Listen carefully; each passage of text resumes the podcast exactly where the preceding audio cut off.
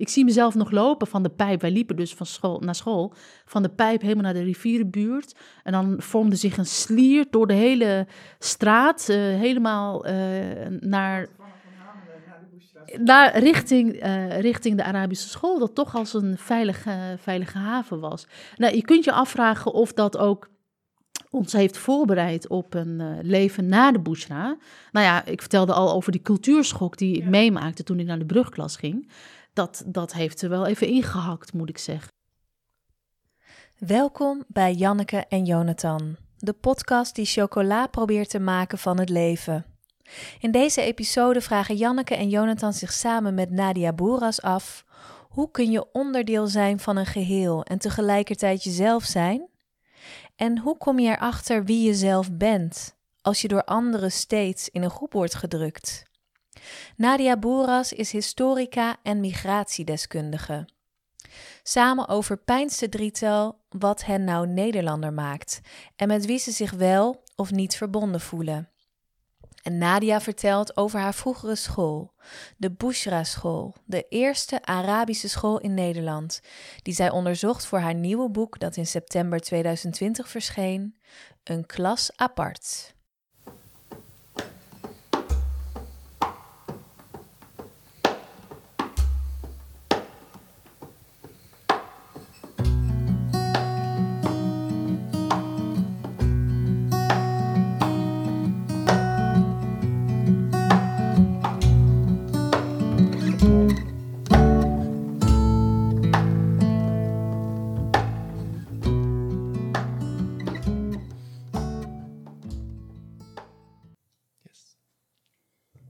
We zitten vandaag in het Zalmroze gebouw van uh, de ARK, uh, de jaren 70 kerk in Amsterdam-Noord. En we zijn heel vrolijk, want onze gast is Nadia Boeras.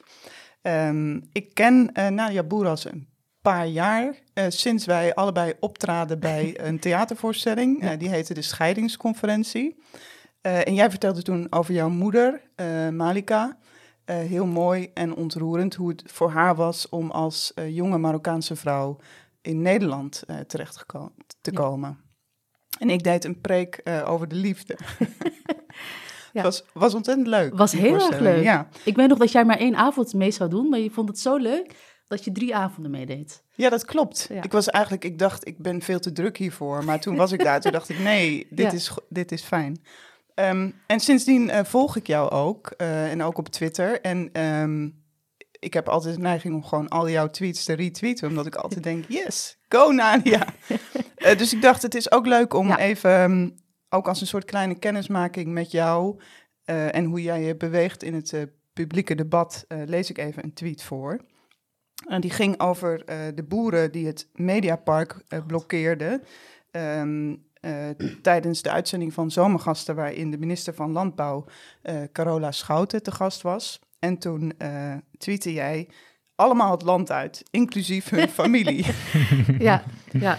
En, en dat, heel, heel bedoel, veel. Ja. ja. ik kreeg daar heel veel commentaar op. Ja. Uh, echt zoveel dat Twitter op een gegeven moment vroeg: wil je dat we de notificaties uitzetten? Zo erg was het. En, um, en heel veel mensen waren er heel verbolgen over. Terwijl het was duidelijk een knipoog naar de opmerking van Wilders, die um, als reactie op de, de zogenaamde rellen in de Schilderswijk, een kanaleneiland. Toen had hij het over uh, criminele Marokkanen en die moesten we het land uitgooien. Maar niet alleen zij, maar ook de hele familie. Dus ik vond dat nogal rigoureus en Inderdaad, vrij ja. racistisch. Ja.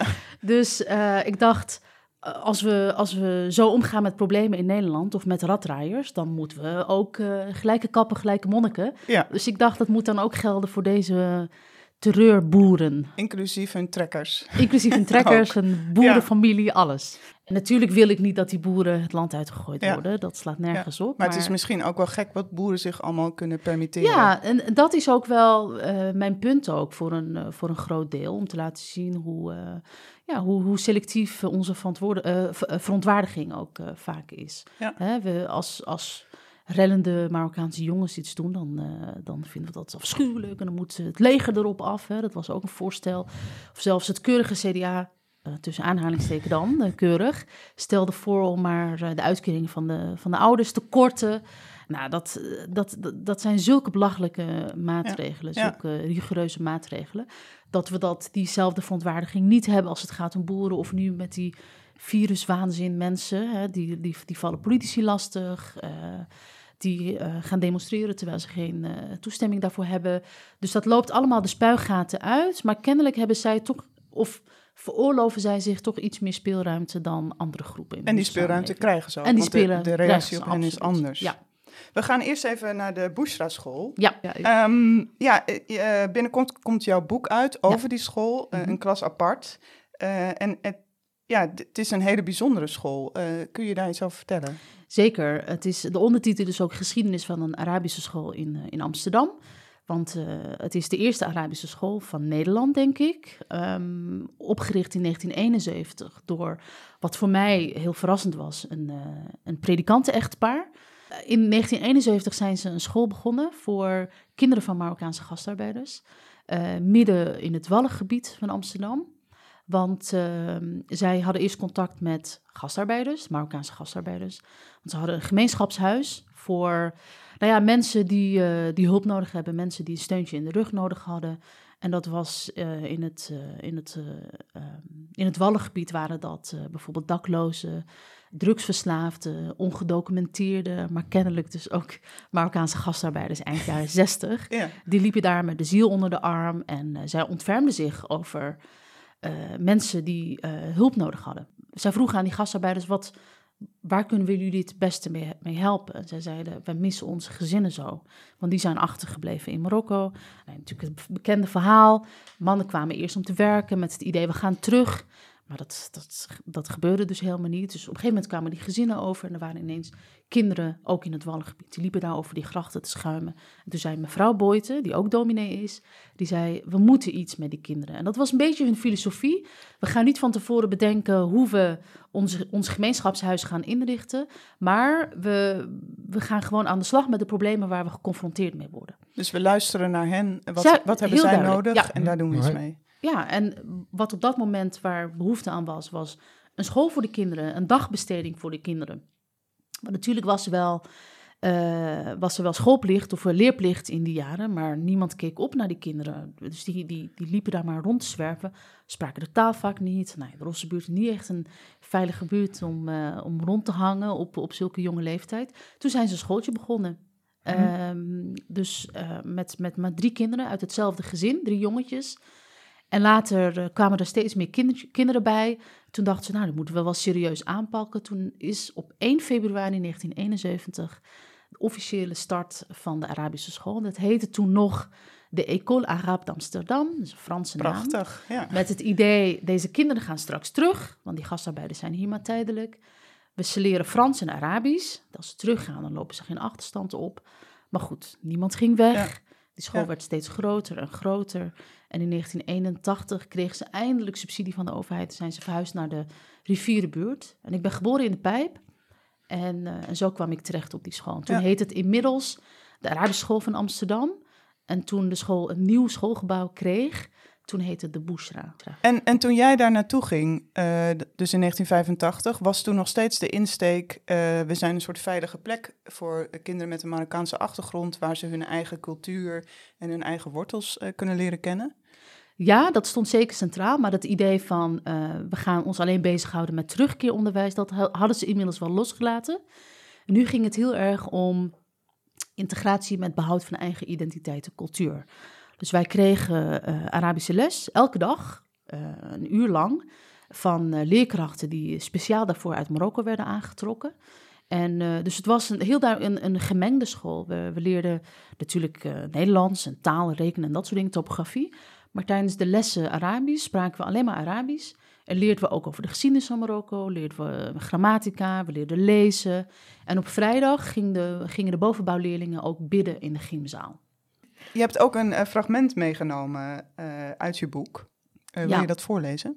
Ja, mag ik het nog inleiden of moet ik het gewoon voorlezen? Nee, dan ja, nee, als het inleiding nodig heeft. Gaan. Nou, um, dit, dit, boek gaat dus over, is een persoonlijke zoektocht naar de school, maar ook naar hoe het is om op te groeien als kind van moslim, of van Marokkaanse migranten. En wij leerden dus op die school om heel erg trots te zijn op je eigen cultuur. Je moet weten waar je vandaan komt, je moet weten wie je bent.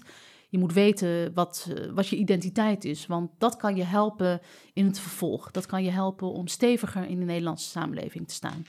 Maar goed, toen ik uh, naar de brugklas ging, had ik helemaal niet dat gevoel dat ik heel stevig in mijn schoenen stond. En dat mijn cultuur of mijn identiteit uh, belangrijk was. Dus had dat niet gewerkt bij jou, die aanpak? bij mij had het zeker niet gewerkt. Nee, bij al, ik heb ook heel veel oud-klasgenoten geïnterviewd en bij hen werkte dat wel. Bij mij werkte dat niet, want toen ik in de derde klas zat, uh, 3 VWO, mijn beste vriendin was Annelien, die kwam uit Friesland. En tijdens de kerstvakantie gingen we naar de bioscoop. Ik begin te lezen. Tijdens de kerstvakantie was de Ramadan begonnen. Het was winter, dus de dagen duurden gelukkig niet lang. Met Annelien, haar broers en diens vrienden die een paar klassen hoger zaten, had ik afgesproken om naar de bioscoop te gaan. We zouden Golden Eye met Pierce Brosnan zien, mijn allereerste James Bond film. Het was middag en mijn maag knorde. Dat ik vastte hield ik angstvallig verborgen voor mijn vrienden. Niet dat ze ook maar wisten dat de Ramadan was aangebroken. Ik schaamde me. Op de Bushra leerden we dat onze identiteit ertoe deed, ook al waren we anders. Maar ik wilde helemaal niet anders zijn. Ik wilde niets liever dan erbij horen. We kochten kaartjes en liepen naar de bioscoopwinkel. Mijn vrienden kochten grote bekers met frisdrank, popcorn, chips en reuze zakken M&M's. Of ik echt niks wilde. Nonchalant antwoordde ik dat ik thuis goed had gegeten en nog vol zat. In werkelijkheid had ik om half zeven ochtends voor het laatst gegeten, toen mijn moeder ons wakker maakte voor de schur, het vroege ontbijt voordat de vaste tijd begon. Tijdens de film tikte Paul mij aan. Hij gaf de megazak M&M's door. En deze keer kon ik niet weigeren. Met een handjevol M&M zat ik in het donker. En terwijl James Bond afrekende met zijn Russische vijanden, voelde ik de chocolade in mijn hand smelten. Op dat moment, in de filmzaal van Tuschinski, schaamde ik me voor wie ik was en wilde ik niets liever dan hetzelfde zijn als mijn vrienden. Prachtig. Wow. Ja, ja dat, voor mij is dat, dat moment daar in die bioscoop heel treffend voor... Uh, ja, natuurlijk. Ik, ik was duidelijk een kind van Marokkaanse migranten. Ik ben heel vanzelfsprekend opgegroeid in die Marokkaanse cultuur, cultuur in de islamitische cultuur in Amsterdam. En uh, met alleen maar uh, Marokkaanse klasgenoten. Maar toen ik naar de brugklas ging, dat was echt wel een uh, cultuurschok. Want ik, ik kwam in aanraking met kinderen die een andere achtergrond hadden. Chinese achtergrond, een Indonesische achtergrond, Filipijnse achtergrond, Surinaams. Dat had ik helemaal nooit meegemaakt, terwijl ik in, een, in Amsterdam als wereldstad opgegroeid was. Dus dat, en ik was helemaal niet zo blij met waar ik vandaan kwam. En ik ik schaamde me eigenlijk een beetje voor, voor mijn achtergrond. Maar ik dacht ook dat ze dat als mijn, mijn, mijn docenten of mijn nieuwe klasgenoten, als ze zouden weten dat ik van de Bushra school kwam, dus een Marokkanenschool, dat ze misschien zouden denken dat ik een achterstand had. Dat ze op je zouden neerkijken. Ja, dat, dat gevoel had ik echt. Want langzaamaan begon ook in de samenleving dat idee um, uh, in te dalen dat, uh, dat Marokkanen eigenlijk anders waren, dat Marokkanen problemen veroorzaakten. Dus, Dit was in de jaren negentig? Ja, ja. Was, uh, laten we, ik ging van school af in 94, ging naar de brugklas. En in 96, dat, toen ik in de derde klas zat, toen begon het een beetje op te komen. En uh, dus ik schaamde me er heel erg voor. Ja. Die schaamte die had ook daarmee te maken met dat maatschappelijke geluid? Of, uh, waar, Zee, dat hoe... heeft het wel versterkt. Maar um, ik leerde dus nieuwe, uh, uh, nieuwe klasgenoten kennen, ook met een Nederlandse achtergrond. Want Annelien had gewoon een Nederlandse Friese achtergrond. En uh, we kwamen, ik kwam ook bij haar thuis en dan gingen we bijvoorbeeld pizza eten. En dan zei haar broer, kan je wel met mes en vork eten? Dat soort dingen. Dus ja. ik, constant werd ik geconfronteerd met het feit dat ik anders was. Of en dat, dat ik van huis uit anders als was. primitief. Als primitief, als misschien uh, wild. Uh, Terwijl je pizza helemaal niet met je mes en vork moet eten. exact. Pizza eet je niet met mes en vork. Misschien in Friesland wel, dat weet Misschien ik niet. in Friesland wel. nou, en dat... Dus ik... En ik had ook niet uh, het zelfvertrouwen om te zeggen... Um, ik ben, ik ben Marokkaans, ik ben er trots op. En uh, we, we, we zijn met vijf kinderen thuis. Dat vond ik ook veel te veel. Oh, ja. Dat durfde ik ook helemaal niet te vertellen. En, uh, en dus ik, ik, ik deed me heel erg Nederlands voor. En ik, uh, ik, uh, ja, ik verloochende eigenlijk mijn identiteit. En die werd steeds beklemmender. En dat komt ook omdat ik dus Nederlandse vrienden had. Anoniem was mijn beste vriendin. En ik wilde eigenlijk uh, hetzelfde zijn als zij. En ik wilde niet anders zijn toen. En wat was Nederlanderschap voor jou in die tijd? Um, nou, weinig kinderen thuis. En, um, niet vasten? niet, niet vasten. Eh, en ehm, niet de uitzondering zijn. Je wil gewoon zijn zoals iedereen.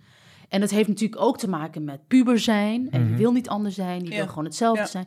Ik zag er ook anders uit. Ik had bruin haar. En, ehm, en, ehm, en dat, dat wilde ik niet. Ik wilde gewoon ehm, ja, eh, zo Nederlands mogelijk zijn. En voor mij was dat vooral... ehm, ik deed ook heel Nederlandse dingen. Ik fietste bijvoorbeeld eh, van huis naar, naar school. Dat, dat deed verder niemand uit de klas. Ik was de enige die fietste. eh, samen met Hoe ging de, de rest? Ging Met de tram, ja. Oh. Dat was, eh, ik weet het niet. eh allochtonen fietsen, fietsten toen niet zo. Hm.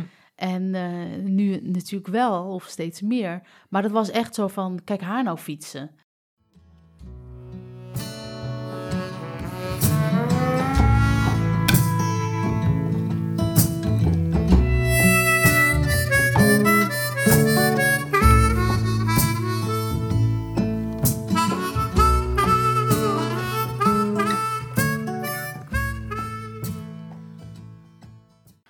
Kwam er op een zeker moment ook weer een kantelpunt de andere kant op? Dus dat je je wel weer meer moslim of meer Marokkaan ging voelen of dat eh, omarmde? Of, eh, Ehm, ja, veel later. Ik denk pas toen ik ging studeren. Ja? Dus ik heb eigenlijk mijn hele middelbare school...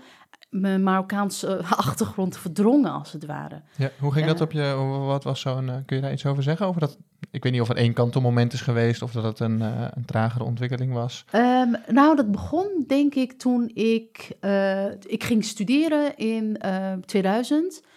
En ik, Vrije Universiteit, een christelijke universiteit.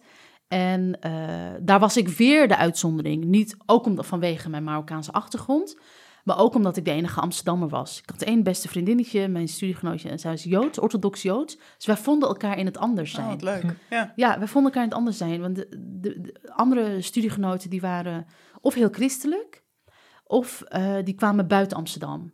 Dus die waren net anders dan wij. En zij kwamen ook uit Amsterdam. En wij vonden elkaar in het anders zijn. We zagen er ook anders uit. En wij, waren er, wij werden daar ook op aangesproken, als het ware. Maar goed, ik vond mijn draai niet op de universiteit en ik moest weg. En, ehm, en mijn lang gekoesterde droom was om in Amerika te studeren. Dus ik ging in 2003 ging ik naar Amerika. 2003 was een belangrijk jaar, ook in Amerika. Maar dat was de, de invasie in Irak. Dat was de, de, de politieke jaren van, eh, van Bush. Ja. Eh, dat heeft me heel erg gevormd, want eh, ehm, de, de politieke context was, was anders dan in Nederland. En ook, ehm, daar werd ik constant bevraagd. Eh, goh, waar kom je vandaan? Een hele onschuldige vraag. Maar als ik dan zei, eh, ik kom uit Nederland, dan kon ze dat niet echt plaatsen. Want ik had geen blond haar, ik had geen blauwe ogen. En dan zei ik altijd, ja, ik ben wel geboren in Amsterdam, maar ik ben kind van Marokkaanse migranten. En ik werd daar gezien als Latina. Hm, Eh, ja. En dat, nou, dat klopt ook niet. Moest me steeds ook uitleggen hoe dat dan precies zat. En ik weet nog dat ik, ehm, dat, ik dat wel interessant vond. Dat, eh, hè, die, die, die vragen naar identiteit en wie je nou echt bent. Dus voor het eerst werd ik uitgedaagd, heel ver van huis, om na te denken over mijn eigen identiteit. En toen dacht ik, ja, ik ben ook Nederlands, maar ik ben zeker ook Marokkaans. En het was toen voor het eerst dat ik ook vanwege die oorlogssituatie, want ik deelde een kamer met een Pools-Amerikaans meisje. En zij had wat vrienden uitgenodigd eh, om televisie te kijken. En dat was toen de, de toespraak van Bush, waarin hij Saddam Hussein een ultimatum gaf. Mhm. Eh, je krijgt 24 uur om met die massavernietigingswapens te komen, anders... eh, Vallen we aan. alle- Ja. Anders vallen we aan. En zij stonden juichend voor die buis van... Bomb those motherfuckers. Heel fanatiek was zij, heel rechts, met haar vrienden. En dat vond ik schokkend. En, en ik dacht, dat zijn wel mensen die op mij lijken... die straks Ja. de bommen Ja. over zich Ja. heen krijgen. Was je toen al politiek betrokken? Of? Nee, niet echt. Eh, dat begon op dat moment pas. Ik weet nog dat ik meeliep. Ik ging heel vaak naar New York, want ik zat niet heel ver van Manhattan. En dat ik meeliep in een demo, eh, No Blood for Oil. Dat was mijn eerste politieke manifestatie. Ja.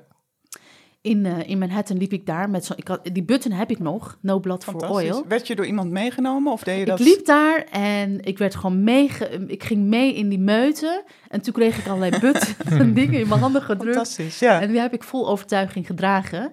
Dat was voor het eerst dat ik echt politiek eh, bewust werd. En toen begon ik ook na te denken. Er waren heel veel studentenverenigingen op de campus waar ik zat. De Latino Awareness Group, de African American studenten hadden hun eigen organisaties. Dat vond ik heel interessant, heel fascinerend. Wie ben ik dan? Waar kom ik dan vandaan? En, ondanks het feit dat ik opgroeide in een Marokkaans gezin, naar een Arabische school ging, had ik nooit, had ik dat idee losgelaten op, op de een of andere manier, omdat ik me daar heel erg voor schaamde. Maar toen vond ik dat uh, ver weg. Dus in Amerika werd ik steeds meer Marokkaans. Ja? Heel, heel raar. Ik ging bijvoorbeeld boeken lezen over de Marokkaanse geschiedenis. Ik ging in de Virgin Megastore in Manhattan op Times Square. Ging ik Arabische muziek luisteren. De muziek, dezelfde muziek die in mijn jeugd klonk. Uh, dus ik was heel erg op zoek naar uh, ja, vaste grond onder mijn voeten. Uh, en uh, het was spring break en ik ging naar Miami. Heel cliché, uh, want ik, had, ik heb daar familie wonen en ik ging daarheen en ik, um, zij moesten gewoon werken, dus ik liep daar hele dagen alleen rond. En toen ontmoette ik een, um, ja, een oudere vrouw in Miami. En we raakten aan de praat en toen bleek dus dat ze in Marokko geboren was. En zij was gewoon wit en ze was Joods. Maar Marokkaans-Joods. En zij sprak dus uh, vloeiend Berbers, dezelfde taal die mijn vader spreekt. Ze sprak dus ook Frans, ze sprak Engels, omdat ze heel lang al in oh, wow. Miami woonde. En ze was uh, in de jaren zeventig was ze naar Jeruzalem verhuisd. maar daar was ze niet gelukkig. Die belofte hè, van die Marokkaanse Joden werd voorgehouden. Hè. Israël is het beloofde land, dat is niet helemaal uitgekomen. Dus zij is verhuisd naar Miami. Dus we raakten aan de praat en ik, dat, dat zorgde voor kortsluiting in mijn hoofd. Hoe kan zo iemand zulke verschillende identiteiten samenbrengen en daar helemaal niet mee worstelen? Dat vond ik zo bijzonder. Behalve dan het feit dat ik niet eens wist dat Marokkaanse Joden bestonden, was dat voor mij echt weer een openbaring. Dus ik ben me daar veel wow, meer gaan verdiepen.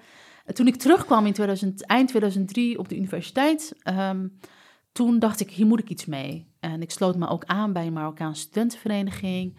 Uh, en, je kwam uh, gewoon weer terug naar de VU? Ja, ik kwam weer terug naar de VU. Ik, ik, ik, VU, ik moest afstuderen en ik wist niet welk, welk onderwerp ik moest nemen. En toen was er een hoogleraar die zei, doe iets met je Marokkaanse achtergrond.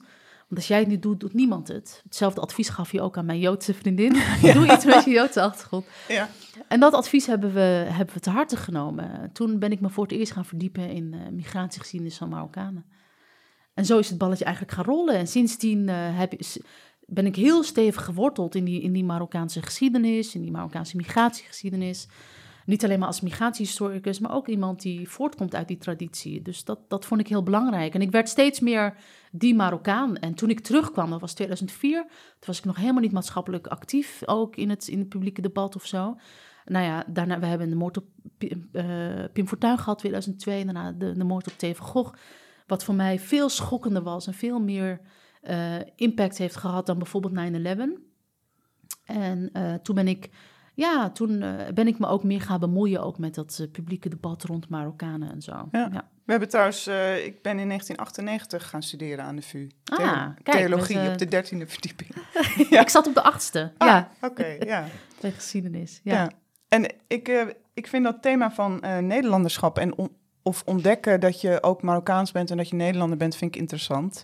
Uh, Jonathan, hoe is dat bij jou gegaan? Heb jij je, voel jij je heel erg Nederlander? Hoe heb je op een gegeven moment een soort openbaring gehad van op deze manier ben, ben ik Nederlander? Hoe, uh... Ja, dat is een interessante vraag. Het, je, um, als je tussen alle. Het is misschien een beetje. Pas in contrast uh, begint daar wat te gebeuren, denk ik. Mm -hmm. Dus iets wat naar boven komt is een uh, vriendin die in België ging studeren. En dan zag ik er weer. En telkens had ze wel weer een verhaal over hoe raar die Belgen zijn. Want ze doen dit anders. En ze zeggen helemaal niet wat ze denken. En, en ze zijn ook heel verlegen. Nou ja, en ze kwamen er allemaal dingen naar boven. En je zou denken van ja, Belgen, dat zijn een soort Nederlanders. Dat zijn gewoon zuidelijke Nederlanders. Vroeger was het, we hoorden bij elkaar. Er zijn vast nog wel mensen die de groot Nederlands-Belgische gedachten koesteren. Um, en toch zijn dat andere mensen. Dus daar en, en in zo'n contrast denk je van, oh ja, ja. Uh, en zij had de hele tijd zoiets van, ja, in Nederland is dat tenminste goed geregeld. Ja. En in Nederland uh, pakken ze door.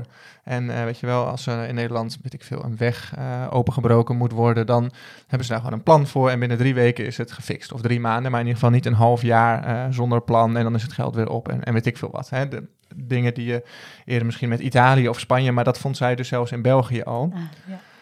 En dat is eigenlijk, ehm, ehm, ja, bij elke, bijvoorbeeld bij elke reis ook die ik heb gemaakt, ontstaat er weer zo'n een nieuw contrast. En soms is dat positief en soms negatief. Uh, of hè, soms dan denk je, oh, gelukkig hebben we dat in Nederland wel of niet, of, of goed geregeld of, of, of anders geregeld. En soms denk je ook, oh jezus, wat zijn wij daarin doorgeschoten? Of wat doen we er eigenlijk moeilijk over? Waarin zijn we doorgeschoten? Ehm, even kijken. Nou, bijvoorbeeld in India. Ehm, in India is het over het algemeen heel erg vies. Uh, India is een land vol geuren, ook, ook, ook vieze geuren. overal afval op straat. Uh, of dat is in ieder geval de regel, er zijn uitzonderingen. En dan, ja, dan ben ik heel erg blij dat we het goed geregeld hebben. En, en in India zijn mensen sowieso relatief gelaten. En dat heeft ook met nou ja, allerlei onderliggende, ook diepere spirituele. Dus um, nou, bijvoorbeeld als het over uh, daklozen gaat. Um, dat is je eigen karma, dat jij dakloos bent. Dus dat moet jij uitvogelen. En dan moet ik je vooral niet bij helpen, uh, want daar, uh, daar verleen ik je geen dienst mee. En um, ja, dus aan de ene kant denk ik dan, oh ja, in Nederland hebben we dat goed geregeld en zorgen we voor die mensen. En, nou, um, uh, nou ja. ja. ga maar even door, door Delhi uh, lopen, dan voel je het verschil wel. Tuurlijk, ja, nee, maar ik bedoel, de, uh, er is ook veel meer armoede, dus er zijn veel meer daklozen. Ja, ja. Oké, okay, nee, maar ik bedoel, wat er hier aan voorzieningen is, is even een andere discussie ja. misschien. Ja. Um, en maar dus in Nederland hebben we heel veel dingen goed geregeld, omdat we, het, omdat we heel veel dingen gewoon niet lijken te accepteren. En daar accepteren ze heel veel dingen. Um, sterker nog, dat is een levenshouding die gepropageerd wordt, omdat, je, omdat dat een fijne manier is om ermee om te gaan. Omdat je anders gek wordt, omdat er heel veel dingen zijn die je helemaal niet kunt regelen of niet lijkt te kunnen regelen. En wij dus denken dat, is ook, dat we alles kunnen regelen. Precies. En ja. dat, uh, dus aan de ene kant levert dat op dat heel veel dingen goed geregeld zijn. Aan de andere kant levert dat een constante frustratie en ontevredenheid over, uh, op over het volgende, wat niet goed geregeld is. Dus of je er echt blij van wordt, of, of je er echt tevreden van wordt, die mensen daar leken af en toe wel echt sowieso een stuk relaxter. Um, maar soms ook echt wel gelukkiger. Omdat ze gewoon zoiets hadden van, ja, ja dit is het. En, We hebben hier en, heel uh, erg die maakbaarheidsgedachte. We kunnen ja. alles maar... Maar het debat over de Nederlandse identiteit is vooral een emotioneel debat nu. Heb jij ook emotionele ideeën bij wat het Nederlanderschap inhoudt? Ja, dat ontstaat denk ik ook weer een beetje in contrast. En dat is niet... Uh, dus ik bedoel, als ik naar Amerika kijk en allerlei misstanden die daar aan de hand zijn... Uh, dan kan ik, grappig genoeg, kan ik daar ook heel emotioneel over worden. Omdat mm. de Amerikaanse cultuur zo indringend is dat je je haast soms in Amerika waant. En dat je denkt van ja, waarom hebben we de gevangenissen niet goed geregeld? En dat ik denk, oh ja, oh, dat hebben wij eigenlijk wel soort van goed geregeld. In ieder geval in vergelijking. Mm. Um, um, en dan kan ik daar ook wel soort van trots op zijn dat wij dat, en dan in Nederland, maar ook Europa in een bredere zin, uh, in contrast met Amerika op dat vlak. Um, ja, dus trots. Um... Ben je trots op Nederland, Jonathan? op, ja, op Nederland. Ik bedoel, Nederland is een, een concept, uh, een, ja. een, een idee. Um, ik ben blij dat wij hier in deze regionen bepaalde dingen op een bepaalde manier doen. En daar ben ik ook best trots op als je kijkt waar we vandaan komen. Uh, even vanuit, helemaal vanuit de prehistorie en dan kijken waar we nu zijn. Dan zijn er echt gewoon hele grote stappen gemaakt. Ja. Um, en dan, ja, trots. Ik heb er, ja, ik draag me een, een heel klein steentje aan bij, maar ja. ik weet niet wie de credits precies verdient.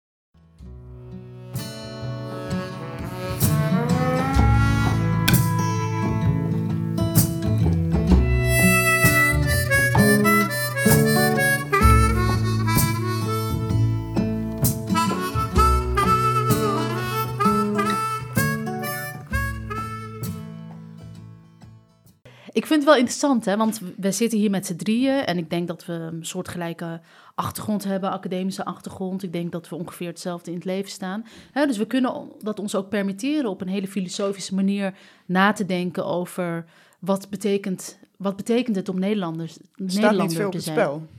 Er staat niet zoveel op het spel. Tegelijkertijd zie ik toch die tendens uh, in Nederland dat we bepaalde eisen stellen aan mensen.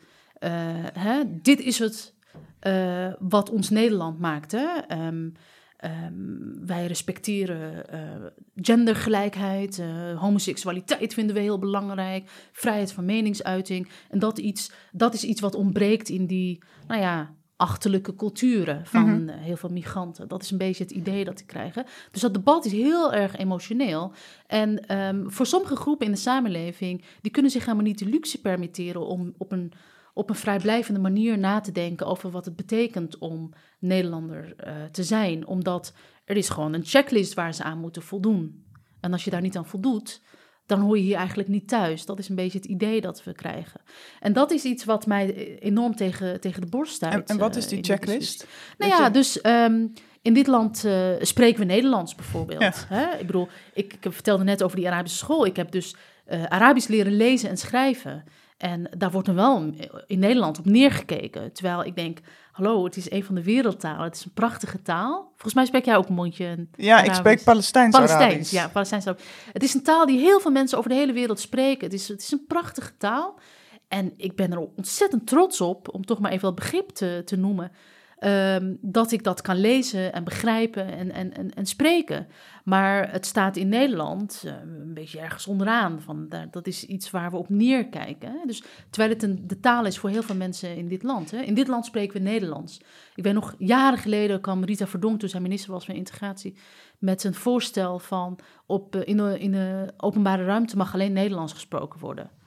Um, bedoel, ze had vooral bezwaar tegen Turks. Uh, het ging niet over expats. Goed voor het de Het ging niet over Frans of Portugees of, of Engels.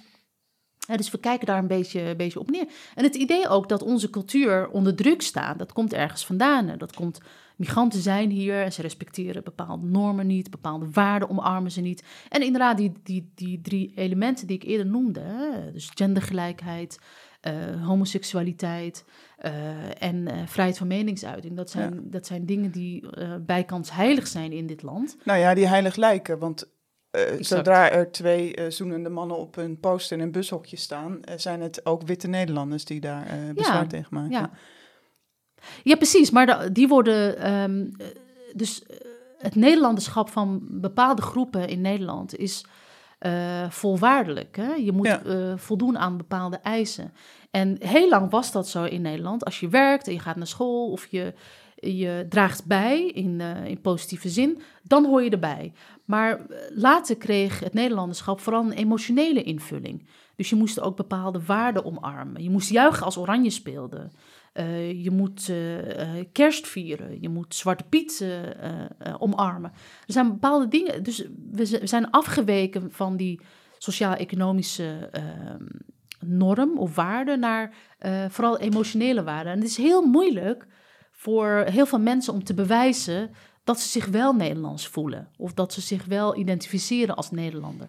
Dat is heel ingewikkeld geworden. Want als je mij vraagt, wie ben jij? Dan zou ik zeggen, ja, ik ben een Amsterdammer ik ben een Nederlander, maar ik ja. ben ook die Marokkaan. Dat ja. kan. Je kan dus verschillende, verschillende identiteiten ja. samenvoegen. Dus dat is eigenlijk in dat hele gedoe over het multiculturele drama... is ook een beetje dat idee ontstaan van... Um, uh, dat er een soort botsing gaande is. Exact, uh, precies, ja. ja. En dat dat, dat dat gevaarlijk is. Ja. Zou het ook zo kunnen zijn dat je uh, weg geweest moet zijn om terug te kunnen komen. Om, om, om, uh, dus dat je die ruimte nodig hebt, zoals jij naar Amerika moest gaan, is een vraag. Ja. Um, om daarachter te kunnen komen. Uh, ja, hoe is het? Ja. Dat wil ik van jou ook nog even horen. Hoe, uh, hoe voel jij je Nederlander? Voel je je Nederlander? En nou hoe? ja, ik weet nog, um, toen ik voor het eerst naar Jeruzalem ging om daar drie maanden te studeren, toen had ik nog een soort, um, of ik merkte ook als ik daar mezelf voorstelde als Nederlands, uh, reageerde iedereen positief. Maar het was ook de tijd van de Deense cartoonrellen. Uh, dus dat er uh, spotprenten waren gemaakt over ja. Mohammed. Dus toen opeens de, of de Palestijnse verkopers in de oude stad van Jeruzalem... zagen mij toen opeens aan voor een Deense. En ah, uh, toen werd er ja. opeens niet meer... Dus eerst was het altijd... Oh, uh, Holland, allemachtig, pachtig, tachtig. Leuk, Weet je, gezellig. Dat, ja, dus een soort gemoedelijk. Ja. En toen was het opeens dat iemand zei... Oh, ben jij Deens? Don't like. Ja. maar maar het grappige was dat ik zelf ook um, veranderde. Dus dat ik, A, ik merkte dat ik inderdaad dat ik Nederlands was. Dus bijvoorbeeld, ik woonde uh, met een Turks meisje en een uh, Japans meisje. En ik merkte nou, gewoon culturele verschillen in hoe we omgingen met uh, allerlei dingen. Ik deelde mijn kamer met het Japanse meisje en zij was echt... Ik ben best slordig, zij was heel netjes. Nou, dat leidde tot allerlei vormen van wrijving die ja. Deels persoonlijk waren, maar deels ook cultureel. Um, en uh, wat ook een grote verandering was, ik, dus ik ontdekte dat ik Nederlands was, maar ik ontdekte ook dat ik wit was. En dat was iets waar ik nog nooit uh, bij had stilgestaan. Uh, maar dat kwam ook, ik verdiepte me natuurlijk in het conflict daar, dus tussen Palestijnen en Israëliërs. En ik merkte dat ik, net als een hele hoop Nederlanders, zeker christelijke Nederlanders, toch automatisch meer gevoel had voor Israëliërs. en dat ik een soort dus zeg maar, mijn emotionele uh, sympathie uh, lag bij hen. En het was ook de tijd dat Gaza enorm werd aangevallen. En toen merkte ik dat het me echt moeite kostte om, om te zeggen: ja, maar die aanvallen op Gaza, dat is, dat is zo verwerpelijk en zo bloederig. Dus dat ik toch eerst heel lang dacht: ja, maar er is vast een goede reden voor. Ja. Hm. Um, dus daar, en ik worstelde daar ook mee. Um, Omdat je je meer verwant met hen. Ja, en dat is natuurlijk ook, dus dat is het hele verhaal van de joods-christelijke cultuur. Dus met hen hebben we iets. En Palestijnen zijn moslims, dat zijn ze niet allemaal, maar die staan verder van ons af, die zijn bruin. Um, uh, en ik merkte ook dat dat, zeg maar, die, de hele onderdrukking van de Palestijnen. En trouwens ook wat jij ook noemde, dus uh, als je als Marokkaanse Jood naar Israël kwam, ontdekte je daar ook ja, dat Ashkenazische Joden, dus zeg maar witte Europese Joden, ja een, een hogere status hadden in dat land. Dus ik ontdekte dat um, huidskleur, het concept ras, daar een uh, rol speelde. En ik ontdekte dat ik daar zelf ook niet buiten stond. Um, dus toen ik terugkwam in Nederland. Hoe, hoe, stond je daarin? Of hoe heb je dat gemerkt van ik word hier op een bepaalde manier behandeld? Of ik... Nou ja, dat ook. Dus als je je meldt uh, met je Europese paspoort bij een checkpoint, uh, mag je gewoon door. Um, terwijl, uh, dus bijvoorbeeld die Turkse vriendin, als ik samen met haar ging, uh, ondervond zij meer problemen. Um, dus het is zeg maar die praktijk, maar ook die emotionele lading van uh, zelf christelijk zijn. En um, dus dat ik, dat ik me dichter bij die mhm. Joodse Israëliërs voelde staan. Terwijl dat enorm onder spanning kwam staan. En ik weet nog dat ik ook, um, dus dat gaat ook over mijn Nederlanderschap. Ik had enorm veel behoefte om Sinterklaas te vieren daar. dus ik ging uh, op de markt allemaal kruiden kopen en uh, pepernoten bakken. Ik had zo'n heel klein oventje. Um, en ik had op, ook op een gegeven moment uh, vrienden uitgenodigd. En ik had tegen hen gezegd: Als jullie nou allemaal een cadeautje meenemen en een gedicht, gaan we daar iets leuks mee doen. Neuterig. Ja, ja inderdaad. Ja. En toen zaten we daar met z'n allen bij elkaar. En toen ging ik de traditie van Sinterklaas en Zwarte Piet uitleggen. En toen dacht ik opeens, oh mijn god. dit kan ik helemaal oh, niet, uh, dit kan ik hier helemaal niet uitleggen. Ja. Nou ja, dus dat was ook een soort, dus die reflectie kwam ook op gang. Ja, ja. als je het naar iemand anders uit moet leggen, dan wordt het soms ineens een heel ander verhaal. Oh ja, Black Pete, ja, dat is een, ja. Ja. Ja. ja, dus uh, nou ja, terug in Nederland um, kwam dat kwam dat in een ander licht te staan. En was ik opeens veel scherper op uh, racisme en uitsluiting in de Nederlandse samenleving. En dat had, ik ben theoloog, dus dat had ook weer weerslag op hoe ik uh, me opstelde als theoloog en hoe ik denk over uh, Nederland en christendom. Dus al dat soort thema's zijn sindsdien ja. nog veel ja, uh, belangrijker geworden. Ik ben daar ook veel scherper op geworden. Ik ben daar ook heel blij mee. Ik vind het een hele gezonde ja, en goede ontwikkeling. Zo ken ik jou ook als iemand die zich daar heel erg uh, over uitspreekt. En, uh, en vooral de christelijke gemeenschap ook een spiegel voorhoudt van... wacht eens even, er zijn een heleboel mythes die, die we door moeten prikken... Ja. die niet helemaal kloppen. Ja. Het idee, de joods-christelijke cultuur bijvoorbeeld... Ja. Dat, is, dat is iets wat vooral ingezet wordt als uitsluitingsmechanisme. Hè? Van. Nou, die, ja. Die enge moslims horen er niet bij. Precies, wij delen uh, de juiste waarden en zij. Uh, ja. Mag, mag ik nog één vraag uh, ja. aan Janneke? Zou, zou jij je wel eens willen onttrekken aan je witheid? Dus stel dat jij een keer een maand, of überhaupt een dag of een jaar, als iemand met een andere huidskleur door het leven zou gaan? Nou ja, ik ben me ook bewust van de voordelen Nou, ik heb bijvoorbeeld, ik was een keer ehm, bij een etentje. Ehm, en dat was, uh, ik werkte toen ergens en we hadden uh, Afro-Amerikaanse activisten uitgenodigd om lezingen te geven in Amsterdam. En toen werden we uitgenodigd door iemand in Amsterdam. Dus iedereen daar aan tafel was zwart en, en ik was wit. En toen dacht ik, oh, wat delen deze mensen veel? Wat is er Ehm, wat een plezier hebben ze, wat een, wat een verhalen gaan er over tafel, wat een rijkdom. En toen dacht ik, kan ik me nou een situatie voorstellen met witte Nederlandse vrienden, dat er, niet dat, uh, ik bedoel, Nederlandse cultuur is ook gezellig, maar, maar er was toch een soort, ehm, en dat zit ook in de scherpte van, zij waren uh, allemaal heel scherp op racisme en ze hadden een soort, dus daar zat ook een soort gedeelde strijd. En in die strijd zit ook heel veel liefde, proefde ik. En ik vond dat. Ehm, ik voelde me toen een beetje armzalig. Hm. Dus ik voelde me intellectueel een beetje armzalig, omdat ik dacht: oh, dit, nou, zo scherp ben ik nou ook weer niet. Maar ik voelde me ook een beetje ehm, armzalig, zo van: oh ja, dus dat je een soort dat bij je identiteit ook, ook hoort uh, dat je gevormd bent door die burgerrechtenbeweging, dat je dat begrijpt, dat je je daarvoor inzet en dat dat een soort van zelfsprekend is. Ja, dat, dat um, heb ik niet met witte vrienden. Dus die gezamenlijke inzet voor een hoger iets. Mhm. Terwijl jij je wel gezamenlijk met hen aan het inzetten was. Je zou kunnen denken, wij staan in die zin samen in deze strijd. Ja, ook wel, maar ik voelde ook heel duidelijk dat ik niet die Um, nou, dat ik niet bijvoorbeeld in mijn jeugd ben begeleid door, door zeg maar elders eh, uit diezelfde beweging. Um, Heb je geen, voel je geen lotsverbondenheid met witte mensen? Jawel, in de zin dat we dit. Jawel, ja, ik, ja, ja, lotsverbondenheid. Wat, ja, bijvoorbeeld... bedoel je daarmee? Of kun je daar... Nou, je omschrijft denk ik wel uh, heel treffend hoe, hoe dat kan gaan hè? in zo'n eh, zwarte vriendengroep. Of uh, je hoeft niet eens vrienden te zijn, denk ik, om elkaar te herkennen. Precies, ja. En uh, dat is iets wat ik, wat ik ook meemaak als ik Marokkanen tegenkom. Of, dat, dat heeft niet alleen te maken met cultuur of met achtergrond.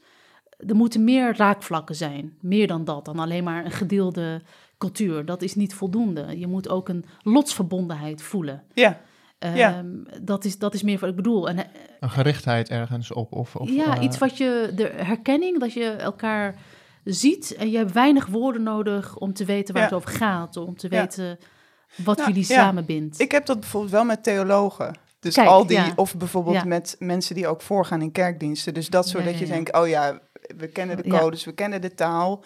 Dat is een heel plezierig gevoel natuurlijk altijd. Ja. Dat was een vraag die ik had en die geldt eigenlijk voor jullie beiden of voor ons alle drie. Um, dat, je, wordt makkelijk um, ingeduld op basis van je kleur of cultuur, want dat is ja, gewoon heel voor de hand liggend.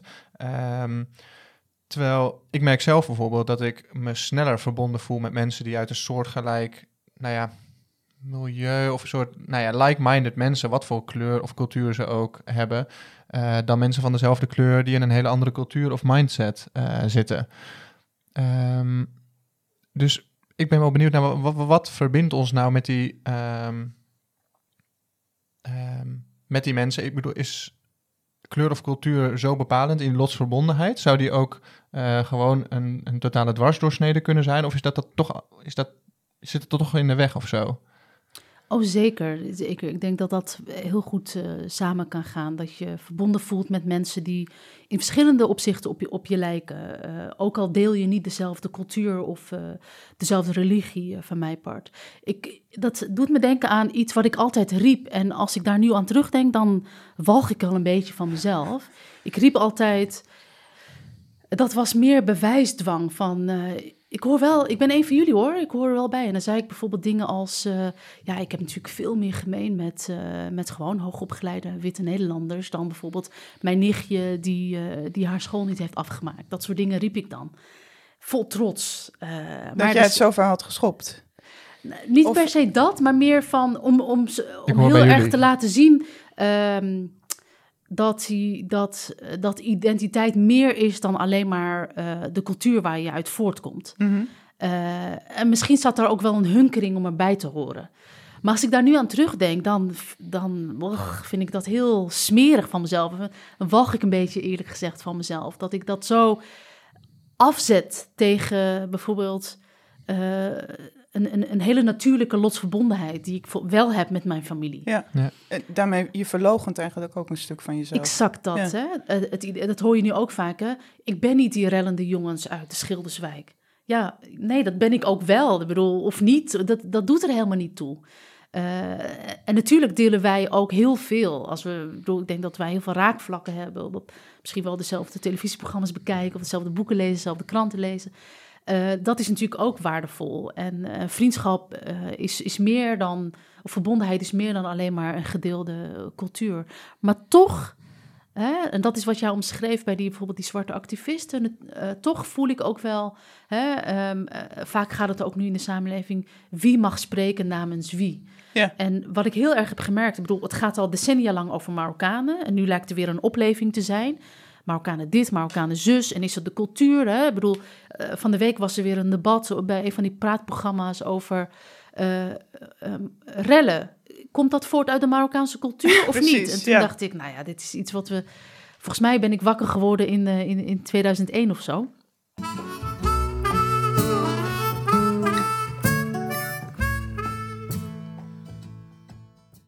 Leuk dat je luisterde naar het eerste deel van het gesprek met Nadia Boeras. Het is nog niet afgelopen. In het tweede deel spreekt Janneke over een bijbels succesvoorbeeld van integratie, maar ook over de xenofobe kant van het heilige boek. Nadia vertelt hoe zij zich losmaakte van haar ouders en daarmee ook van haar God, om uiteindelijk voor zichzelf te kiezen, voor haar eigen pad. Samen denken zij na over de toekomst van integratie, over wat we in Nederland gemeenschappelijk hebben met elkaar en over wat zij hun kinderen willen meegeven.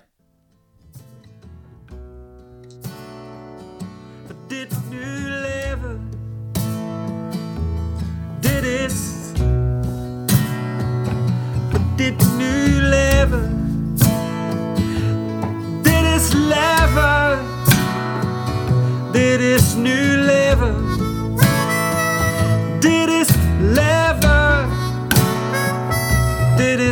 Is